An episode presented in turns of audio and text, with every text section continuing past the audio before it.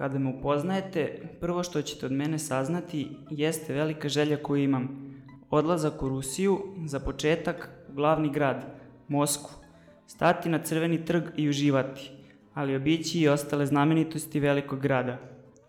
Ljubav prema ruskom jeziku rasla je tokom učenja u osnovnoj školi.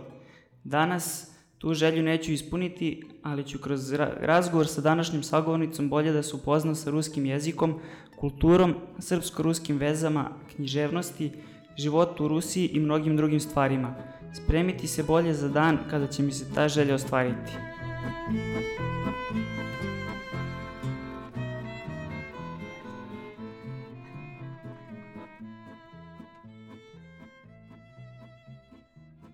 Za početak voleo bih da kažeš svoje iskustvo sa ruskim jezikom, pre svega kako je to došlo do tebe, prvi neki kontakt i zašto uopšte ruski, da se da bude tvoje opredeljenje.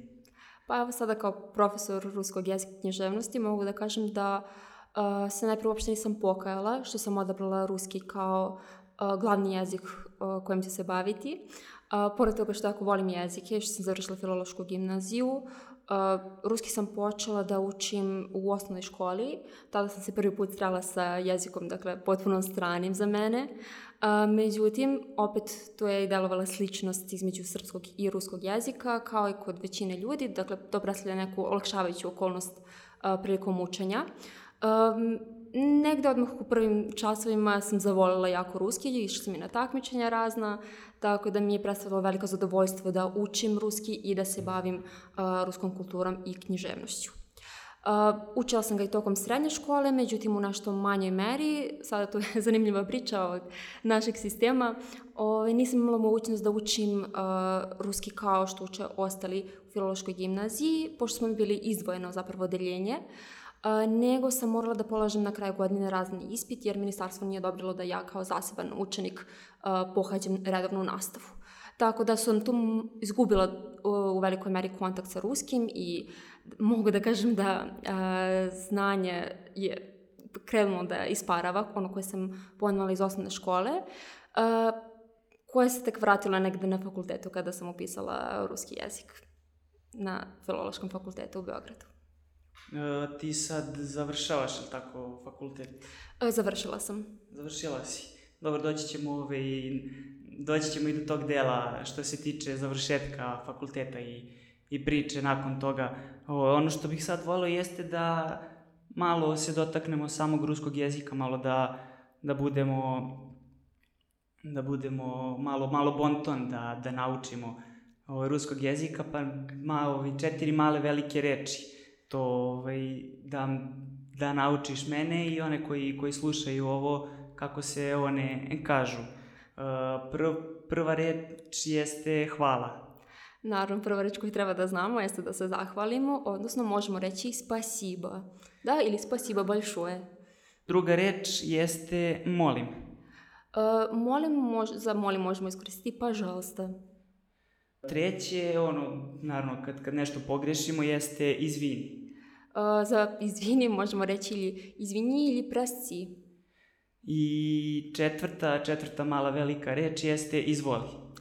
To je takođe, da, takođe će Rusi reći pažalsa, dakle iskoristit će istu reč Ista kao reč za... kao za moli. Tako je.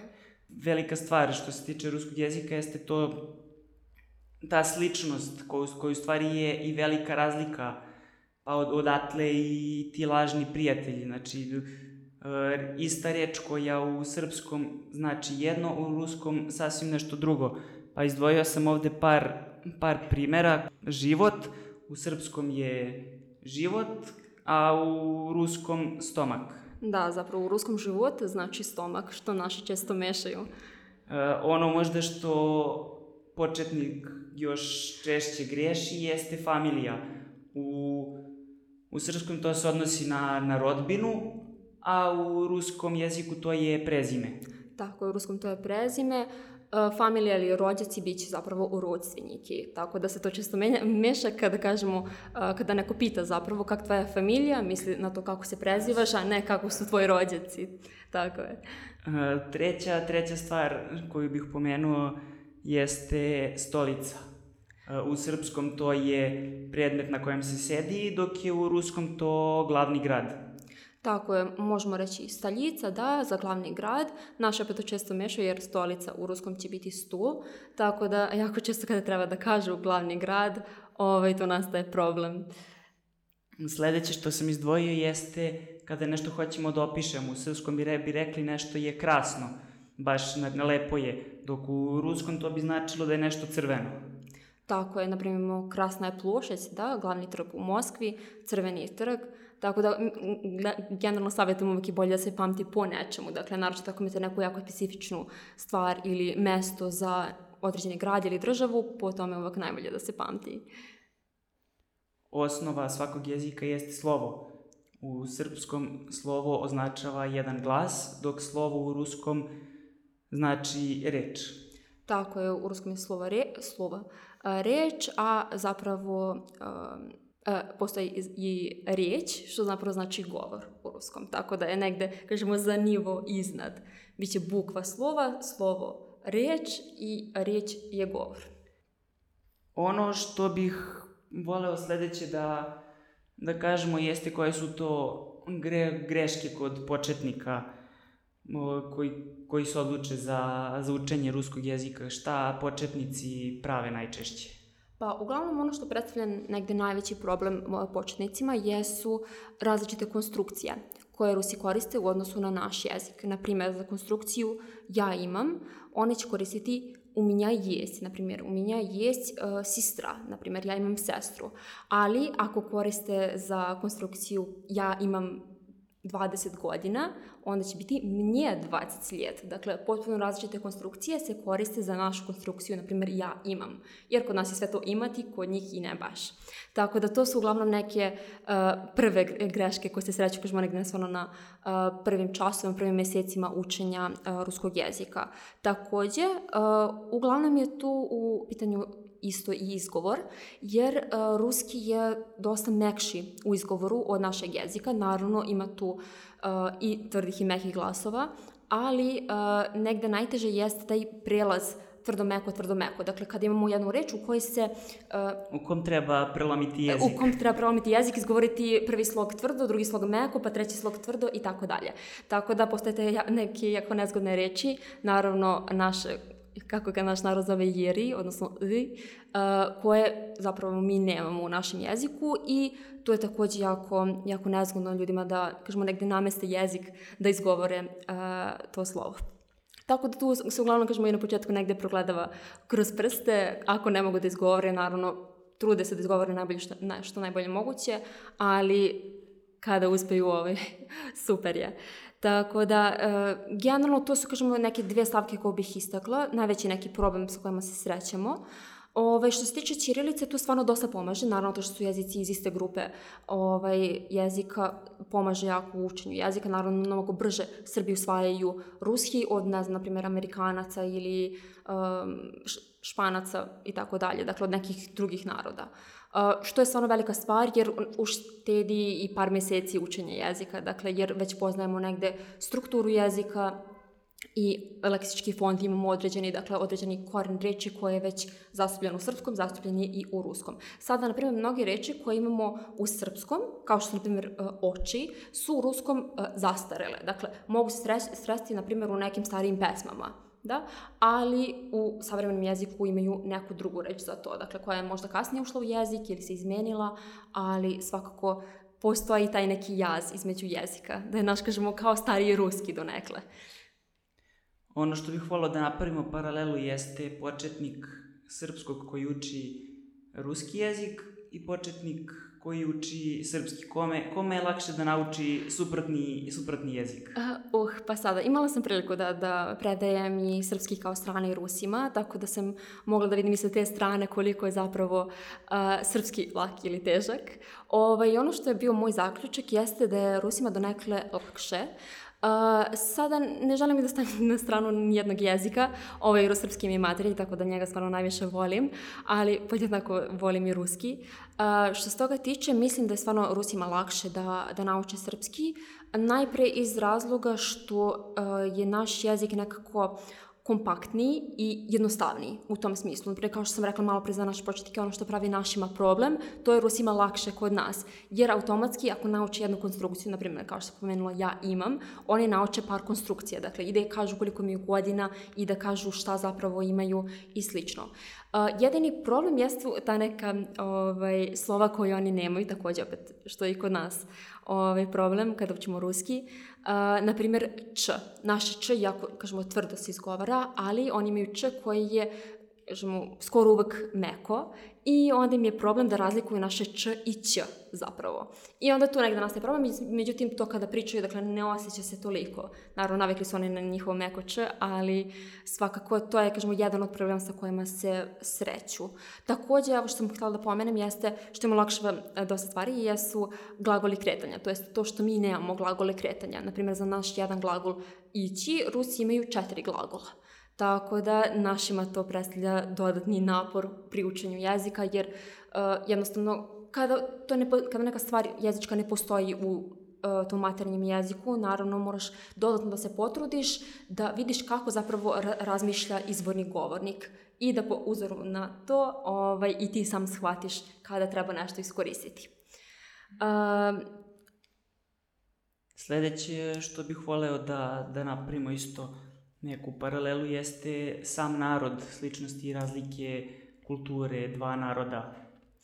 Pa koliko god da je naš narod sličan, da kažemo da smo iste smo vere, ovaj, donekle imamo i, ovaj, i zajedničku istoriju i diplomatiju, ali isto toliko se i razlikujemo. Naprimjer, jedan od prvih uh, onako razlika koje sam ja videla kada sam bila u Rusiji jeste uh, kada, na primjer, žene idu u crkve manastire, uvek nose maramu na glavi, što je meni bilo jako neobično, jer kod nas to nije praksa. Dakle, redko kada ćete vidjeti nekog da nosi maramu, sem ukoliko to nije neka starija baka ili uh, slično. Uh, takođe, još jedna od stvari jeste uh, da je njima zapravo važniji praznik Nova godina od Božića, u tome je se zapravo doprineo, naravno, doprinela ideologija 20. veka, ali e, kod nas se, kažemo, donekle to stvarno učuvalo, dakle nama stvarno Božić jeste e, najznačajniji praznik koji imamo, dok je Rusima to više Nova godina.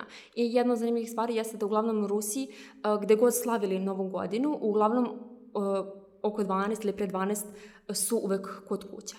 Tako da to je jako zanimljivo, mislim, njihove, njihovo vredno, vrednovanje porodica, porodice. Iskoristio bih priliku ovo, ako smem, da jednu, jednu sličnost dva naroda spomenem, a to je da su i srpske i ruske devojke, odnosno žene, najlepše u svetu, tako da i ovih hteo bih da, da pozdravim jednu, mislim da će slušati ovaj, ovaj razgovor, tako da pronaći će se ona sigurno tu. Ovaj, a sledeće što bih voleo da spomenemo jeste Rusija u Beogradu, koliko, koliko znamenitosti nekih vezanih ima kod nas i koliko su one uopšte, koliko one predstavljaju ruski mentalitet ili... Prvo što bih jeste ruska ambasada, nešto kao politička ustanova koja mislim da se podrazumeva da postoji u državi. To, to mislim da je nekako moranje. A, tako mislim da naša saradnja je trenutno jako dobra, iskreno, što tiče, kažemo, spoljašnje politike ove, Srbije. A, to je to nekim stvarno dobrim odnosima. Evo, meni je to sada baš aktualna tema. Danas sam bila do ambasade da pokupim svoju vizu za, za master studije. Ovaj, kažem, stvarno postoji pozitivan uticaj, dakle, i na nas kažemo kao Srbe koji šire uticaj uh, ruske kulture, dakle koji šire jednostavno svest o ruskom jeziku uh, i naravno njih kao samih, dakle u organizovanju, na primjer govorim konkretno sada za Ruski dom, u organizovanju različitih uh, aktivnosti, svečanosti povodom uh, obeležavanja različitih praznika koji su bitni za rusku kulturu. Sledeće jeste upravo spomenula si Ruski dom, odnosno Centar za nauku i kulturu, koji je u blizini Terazija. Pronašao, pronašao sam podatak da je on jedan od najstarijih centara za očuvanje ruske kulture u inostranstvu. Da, naravno, pored toga što postoji u Srbiji, postoji i različitim drugim zemljama. Ovaj, a takođe postoji ta organizacija koja se zove Rusa trudničestva, preko koje evo, i mi sada kao srpski studenti imamo priliku da odemo tamo da studiramo i da unapređujemo svoje znanje i znanje svog ruskog jezika u različitim oblastima. Sledeće što sam pronašao jeste uh, Ruski poslovni centar, jedno od, od predstavništva uh, Rusije u Beogradu. To, koliko sam uspeo da, da vidim, to je nešto za investitore i ne, ne, ono, što se tiče poslovnih ulaganja u samu, samu infrastrukturu kako grada, tako i naše države. Pa sada ne mogu da kažem da sam baš upoznata nešto sa tim, pošto opet nije moja ovaj, ni sfera delatnosti, ni moja oblast interesovanja, tako da sa tim stvarno nisam ovaj, upoznata i ne bih mogla da komentarišem, ali postoje, kažemo, dosta značajnih institucija koje stvarno doprinose razvoju uh, kulture i očuvanju ruske baštine. Uh, verovatno misliš na najpoznatije nešto što kad se spomene Rusija i ruski jezik u Beogradu jeste upravo Hotel Moskva. Sad kolika je pozadinska priča i sam, sama, sam značaj te građevine koja je i hotel ujedno. Da li, da li možda znaš nešto, nešto više da, da kažeš o tome? Pa, istorijsku pozadinu stvarno ne znam što se tiče ovaj, izgradnja hotela Moskva. Ovaj, to je stvarno jedan od, jedna, o, jedan od najlepših hotela u, u Beogradu i ima taj, nosi taj duh uh, ruske arhitekture, što je stvarno jako lepo videti, naročito kada si u centru grada. Ovaj, uklapa se u taj stil koji Beograd nosi, taj duh. Ovaj, ali, kažem stvarno što se tiče pozadinske priče, uh, to nisam upućena. Ovaj, jako je popularan naravno među Rusima i kada dođu naravno, ali osim toga ne bih znala iskreno.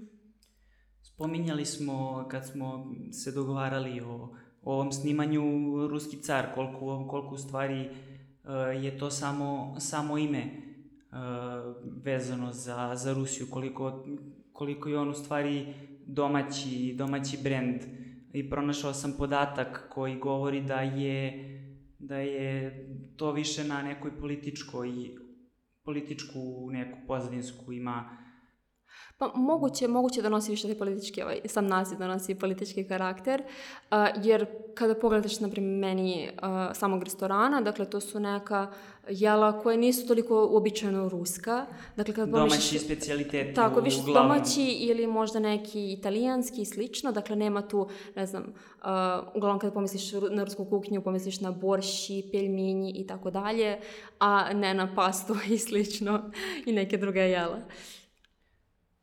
Sledeće što mislim da isto bih trebalo da se spomene jeste banka, od Sber banka kao predstavnik bankarskog sistema kod nas.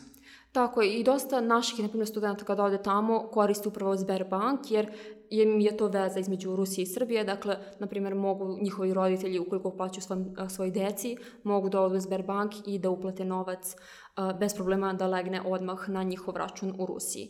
Tako da je to jednostavno povoljnosti koja nudi ta banka. Koje bi ti od mnogobrojnih ruskih književnika spomenula kao najznačajnije za, za nas i za svetsku književnost? Pa, naravno, kad pričamo o svetskoj književnosti, ne možemo da ne spomenemo uh, Dostojevskog i Tolstoja. Dakle, to su uh, čije dela se ubraju zapravo i u naš program a, za srednje škole. A, tako da njih stvarno smatram, smatram osnovom i a, nekako njihove dela reprezentativnim za period u kome su pisali. A, tako da, ne znam, kod Dostojevskog je stvarno jako bitan taj što se kaže, psihologizam, dakle u romanu, koji je stvarno doneo novinu. Zbog toga se i dan danas izučava stvarno i na katedrama za književnost, e, za rusku književnost i na katedrama za svetsku književnost. Tako da on je stvarno donao jako veliki doprinos i, kažemo, veliki broj Rusa da pitate koji je omiljeni pisac, dakle, bit će upravo Dostojevski, naravno, to je ponekad slučaj kod nas, naravno kod ljudi koji se bave književnošću. Dakle, jako je omiljen među, među studentima književnosti. Nešto što si mi spomenula kad smo se videli prošli put, što nisam znao, jeste koliko je zapravo uh, ruska emigracija imala uticaj na, na nas. Pa ako možeš nešto malo više da o tome kažeš. Evo da, tamo smo pomenuli ovaj, i književnike i ovaj, to kažemo neke uh, akademike. Uh, zapravo, ruska imigracija odvijala se u nekoliko talasa.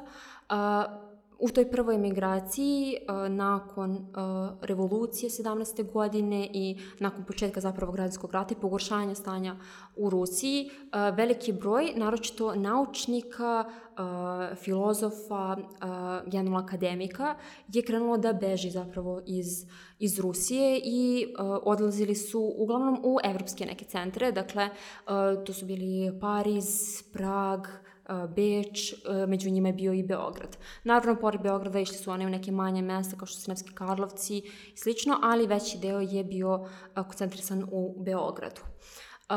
Baš zbog te slobode koju je u tom trenutku pružala uh, Srbija. Uh, međutim, ta emigracija, odnosno svi ti akademici koji su emigrirali u Srbiju, doneli su velike promene kod nas. Dakle, i to ne bi bio prvi put da su Rusi na taj način uticali na nas. Naprimjer, možemo da se setimo uh, i kada su uh, ranije dolazili kod nas, kada su otvarali ruske škole, zapravo, sećate se Emanuel Kozačinski, Maksim Suvorov, ovaj, u 18. veku, kada su širili kod nas zapravo pismenost. Um, tako da, na isti taj način, dakle, dolazi kod nas uh, Rusi koji su prisilom morali da se nađe na tom mestu, ali su u mnogome ulepšali, mogu da kažem, Beograd, najpre zbog arhitekture. Uh, jedan od stvarno velikih predstavnika ruske arhitekture jeste Nikolaj Krasnov, ovaj, koji je projektovao jedne, dakle, neke od najlepših građevina u Beogradu. A, takođe, a, bio je tu, postoji uticaj i u pozorištu, na primjer u 20. veku Verbicki je u mnogome uticao na srpsko pozorište. Takođe, bile su neke ovaj, vojni uticaj, kao što na primjer Vrangelj, a, koji bi bio deo bele emigracije. Ali sve u svemu, taj uticaj koji je počeo pro, početkom prošlog veka, mislim da se održava i dan danas, možda ne u tolikoj meri, ali i danas imamo veliku emigraciju Rusa koji dolaze da žive u Srbiji. Naprimjer, upravo ti Rusi koje sam ja ovaj, učila srpski, dolaze da žive ovde, jer su ovde pronašli bolje uslove za život i možda drugačiji malo sistem obrazovanja, ali koji njima, koji njima više prija. Naravno da ne pričamo o klimi, jer je mnogo povoljnija u odnosu na rusku. Volio bih da se vratimo malo na, na sam e, ruski jezik i, i njegovo učenje. Koliko zapravo multimedija i multimedijski sadržaj pomaže u učenju ruskog kako kroz muziku, filmove, e, serije, Uh, naravno pomaže, dakle ovo će vam reći vjerojatno svaki profesor jezika, ali eto, da ponovim i ja. Ovaj, svaki kontakt van, na primjer, časova, van kurseva, van škole sa jezikom je dobrodošao. Naročito sada kad imamo priliku da konzumiramo sadržaj, sve, sav sadržaj koji, na primjer, konzumiramo na engleskom ili nekom drugom jeziku, možemo konzumirati automatski i na ruskom jeziku. Na taj način uh, širimo i uh, najpre upoznajemo se sa kulturom kroz prizmu njihovog predstavljanja, ne znam da li su to crtači, filmovi, serije, emisije različite i ostalo, ili su to možda intervjui. Naprimjer, imam preporuku za jednog novinara, zove se Juri Duđ, možda se naći na YouTube-u, dakle, postoje, stvarno ima jako dobre goste, dakle, ruske, i oni koji imaju, sad ovo savjetujem za neke koji imaju viši, viši nivo znanja, mogu da isprate, dakle, stvarno su viđeniji Rusi u gostima. Jedan od njih je, na primjer, Nikita Mihalkov uh, ili Sergej Minajev, dakle ima stvarno jako dobre i kvalitetne goste i tu možete čuti stvarno jako uh, puno zanimljivih i dobrih stvari, naročito koliko je to vezano, na primjer, za vašu industriju. Ukoliko želite time da se bavite, tada je to jako aktualno, na primjer, filmska industrija, uh, naša i ruska, dakle vezivanje, zapravo povezivanje ruske i srpske filmske industrije. Tako da, ukoliko nekog to interesuje, može da baci pogled. Kolika je perspektiva što se tiče znanja ruskog jezika kroz samo studiranje, dotaći ćemo se toga malo kasnije i kroz posao odnosno zaposlenje možda u Rusiji? A, što se tiče posla sa ruskim jezikom, kažemo o toj perspektivi koju znanje ruskog jezika nudi, u nekom mom iskustvu mislim da je stvarno velika i da je značajno stvarno veliki, velika prednost uh, znati ruski jezik, naročito uh, sada sa ovim kažemo, povezivanjem uh, Rusije i Srbije. Uh, ja, na primjer, nisam imala problema sa tim da ne mogu da nađem posao po završetku ruskog jezika ili čak i u toku studija.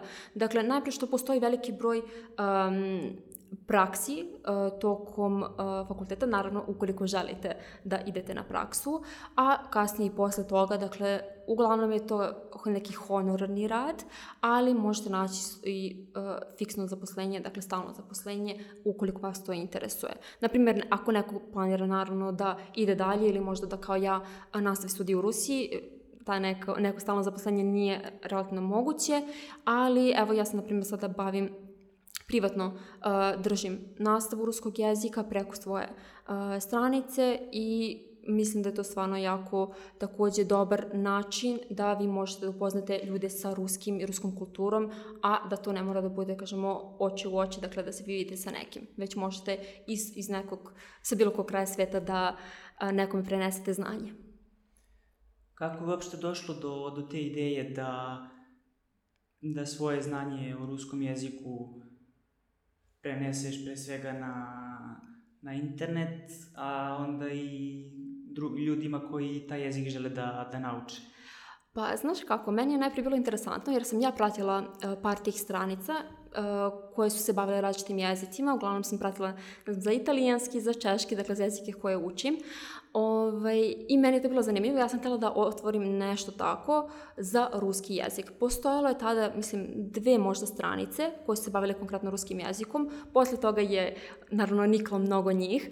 Ovaj, ali mene su one inspirisale da mogu ja da na taj način ljudima približim neke stvari koje neće biti uh, samo predstavljanje, ne znam, uh, jedne reči ili jednog slova i šta ono znači, to šta znači ta reč ili jedna samo konstrukcija. Više sam želela da pokažem neko svoje iskustvo uh, ruskog jezika, učenja ruskog jezika, da na neki interaktivan način ljudi mogu da ponekad provere sebe ukoliko nemaju puno vremena da ovaj, da posvete jeziku ili da im to bude neki način možda razbrige ukoliko se radi o nekoj temi koja je aktualna za Rusiju ili neke trenutne situacije. Naravno, o, to da sada se tvrdim, pošto upisujem studije, kažem, da i to znanje, odnosno svoje iskustvo, prenesem ljudima, da to njima sutradno bude dostupno, pošto nije uvek sve toliko lako dostupno. Dakle, nekada morate stvarno kopati da biste stigli do prave informacije, a ja se to trudim da prenesem na svoj profil, da ljudima stvarno olakšam, to je budućim studentima koji možda budu hteli da se prijave za, za studije. Koliki je napredak od nekog početka pa do nekog višeg nivoa kod, kod polaznika? Koliko to brzo, odnosno sporo ide učenje jezika? Uh, pa sada, što se tiče, kažemo tog nekog vremenskog, um, vremenske odrednice, uh, kod svakog je različito. Zavisi najpre Uh, koliko često taj neko pohađa časove, na primjer ukoliko ima uh, jednom, dva puta, tri puta nedeljno, da li je sam ili u grupi. Dakle, ima puno faktora, koliko je on voljan da radi van časova, koliko je voljan da sluša, da bude okružen jezikom. Dakle, svi ti faktori utiču na to koliko će brzo neko savladati jezik. Naravno, ukoliko te sve faktore neko povećate i pospešite, znanje jezika će mnogo brže, mnogo će se brže nekako jezik filtrirati, mnogo brže ćete početi da ga koristite. Dakle, uglavnom je tu negde najveći strah od pričanja, dakle kada treba da se progovori, zato se ja trudim odmah na početku, dakle ako znamo da kažemo jednu rečenicu, tu rečenicu ćemo koristiti i ponavljati, dakle, ili konstrukciju određenu. Ponovit ćemo je kroz, ne znam, različite primere, različite situacije, tako da mislim da je to jako važno, dakle, od samog početka forsirati taj konverzacijski deo, makar to bio i minimal, minimalno neko upoznavanje ili odlazak u neku instituciju, ali svakako znači to. Dakle, što više učenik priča od samog početka, kasnije uopšte neće imati problem niti strah od pričanja sa nekim. Naravno, uvek kada pričamo sa izvornim govornikom, uvek postoji ta neka strepnja da li ću pogrešiti, da li, da li će se sada da me ispravi i slično. To zavisi od čoveka, dakle kao kod nas. Neko će vas možda ispraviti, neko neće, neko će samo nasmešiti u smislu razumeće šta, želi da, šta želite da kažete. Dakle, postoji ta situacija kada, na neko pogreši akcenat i pita me kao, jel može tako ili mora stvarno samo da pogodim akcenat. Dakle, ne morate vi naravno u početku naročito, dakle, ne mora da budete određeni akcenat da da bi vas neko razumeo. Razumeće on i bez tog akcenta na O ili na A ili na taj redukovan slog. Ali svakako uvek se treba truditi i stremiti ka tome da govorite što pravilnije. Jer svakako opet mi kada učimo negde jezik, naročito kažemo negde u školama i na fakultetu, tu uglavnom taj neki zastupljeni akademski pristup, učimo onako onaj književni jezik, a kada odemo tamo sačeka nas uh, razgovorni jezik koji se pa reći samo razlikuje od književnog jezika. Naravno, vi koristite književni jezik, naročito ako idete tamo da studirate, ali uh, razgovorni jezik je ono što će vam trebati u svakodnevnoj komunikaciji sa kolegama, sa prijateljima i na bilo kom drugom mjestu da se nađete u, u neformalnoj situaciji, naravno. Tako da uvek treba i to negde uvrstiti. Uh, ne bi izbjegla bih sam početak, ali već negde uh, A2, B1 mislim da je potpuno u redu da se uvedu i takve fraze i opušteni razgovori uh, na nastavi. Trenutna situacija što se tiče tvog, tvog posla i profila na društvenoj mreži, kako je, da li ima novih polaznika u proteklom periodu ili su to više neki stariji koji nadograđuju svoje znanje? pa mogu da kažem da ima dosta početnika. Dakle, ima stvarno i onih koji žele, na primjer, da naprede znanje samo u uh, određenom segmentu. Na primjer, potrebno im je samo za posao i žele da poboljša komunikaciju u toj sferi. I onda žele da, žele da se fokusiramo na to. Naravno, to je isto, na taj način se časovi prilagođavaju, naročito kada je u pitanju jedan na jedan nastava, jer to je jedino moguće kada želite da se posvetite 100% polazniku. Međutim, to je što si, što si pomenuo, jeste, postoji dosta početnika koji stvarno žele da uče ruski jezik i to ni manje ni više nego prosto iz ljubavi prema ruskom jeziku, dakle prema ruskoj kulturi, jednostavno prema onome kako oni zamišljaju, ne znam, život u Rusiji ili kako bi se oni osjećali da znaju taj jezik. Tako da mene to stvarno inspiriše ovaj, da radim sa takvim ljudima koji su željni znanja i koji stvarno žele da rade i da se trude ovaj, bez da imaju, bez neke, kažemo, nagrade na kraju, da li je to ovaj, neki, kažemo, cilj koji žele da dostignu. Ali svakako to je, kažemo, velika inspiracija za profesora kada samo vidi da neko želi iz ljubavi da uči. Aktivna si na društvenim mrežama, to ti je, to ti je vid prezentacije svog, svog rada. Koliko je, koliko je teško napraviti napraviti sam sadržaj, koliko si posvećen na tome Da li, da li ti možda nekada predstavi prepreku, ne, da li ti je poteškoće da na pravi način dočaraš ono što, što želiš kroz tu objavu? Uh, pa sada zavisi. Uh, naravno, zavisno od ideje i šta želim ja zapravo da predstavim kroz to. Dakle, poenta jeste da ja kroz uh, te objave, kroz, ne znam, storije, kroz različite interaktivne ovaj, vežbice predstavim i uh, svoje znanje i sebe kao ličnost, jer naravno na taj način vi privlačite ljude koji su slični vama. Jer ja zapravo želim da radim sa ljudima koji donekle, donekle mogu da se uh, poklope sa, sa mnom, zato na primjer i držim uh, taj neki kažemo, uh, te neke konsultacije, dakle prije nego što zapravo počnemo saradnju, dakle da se mi upoznamo, da vidimo da li zapravo odgovaramo jedno drugom, jer neće svakome svako odgovarati. Naravno, kada vidite u grupu ili u školu jezika, to vam se padne profesor i to je to. Ali kada radite jedan na jedan, onda je malo drugačije. Zapravo vi treba da uspostavite neku odgovarajuću atmosferu sa učenikom, neki odnos i naravno da uspostavite pravila ovaj, tokom daljeg rada. Um, što se tiče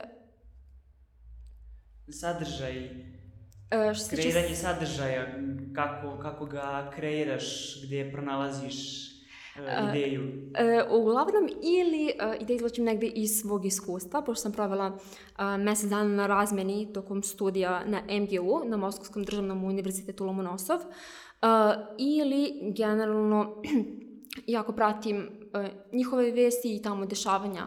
Tamo čitam jako dosta takođe i nekih referata, članaka koji su u vezi sa ruskim jezikom i ponekad mi oni služe posluže kao inspiracija za pravljanje nekih objava ili me prosto podsjete na nešto što sam ja prošla ili neki problem koji sam ja imala uh, tokom učenja i na taj način mogu da dobijem ideju da predstavim to drugima i način na koji sam ja to prevazišla. Jer kao neko ko je opet od nule naravno učio ruski, uh, uvek znači tuđe iskustvo i način na koji je on to prevazišao, uvek znači nekome koje, na primjer, tek počinje. A neka tehnička strana što se same pripreme tiče, ne znam, kreativnost neku, da li, da li ispoljavaš kroz taj materijal ili se držiš ipak neke suštine da, da prezentuješ? Pa trudim se da, da to bude spoj i jednog i drugog. Uh, jako volim da kreiram uh, svoje objave, mislim da mi je jako zanimljivo zapravo da se bavim time, da se bavim, ne znam, sitnicama, kako će ovo da izgleda, kako će se uklopi ova boja ovaj, jako dugo, dugo sam ovaj, razmišljala što će profila, kako on izgleda, kako, kakav je taj cijel vizual i ostalo. I ponekada to zna da oduzme stvarno jako puno vremena. A, zavisno od toga kakva je objava, šta želim da kažem. Uglavnom je, da kažemo, taj neki, e, ta suština najmanji problem. Dakle, to uvek neko najbrže završim, ali dok se sve to uklopi, dok se ispiše, ne znam, opis, e, dok se dodaju neki detalji koji će možda biti interesantni polaznicima ili koji će moći da sebe pronađu u tome, to ponekada više oduzme vremena.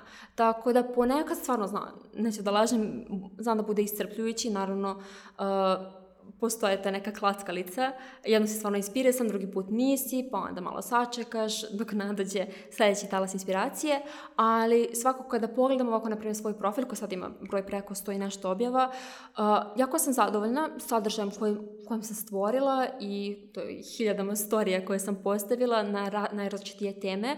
I stvarno vidim kada ljudi uh, reaguju, kada odgovaraju, uh, kada učestvuju u anketama, vidim da ih stvarno interesuje to. I po tome naravno mogu da vidim šta zapravo interesuje, u čemu žele više da pišem. Uh, naravno ja to ubacim i ono što mene donekle interesuje, to je jezik, lingvistika, ali opet nekako mislim da privlačim zapravo i te ljude koji to žele da znaju. Naravno neke, neke strane manje, neke više, ali mislim da za svako ko voli ruski jezik književnost može da se nađe po nešto. Uh, o trendovima šta misliš, da li ih primenjuješ, da li ih pratiš, što se tiče samih društvenih mreža? Pa sada ne znam u kom smislu misliš trendova.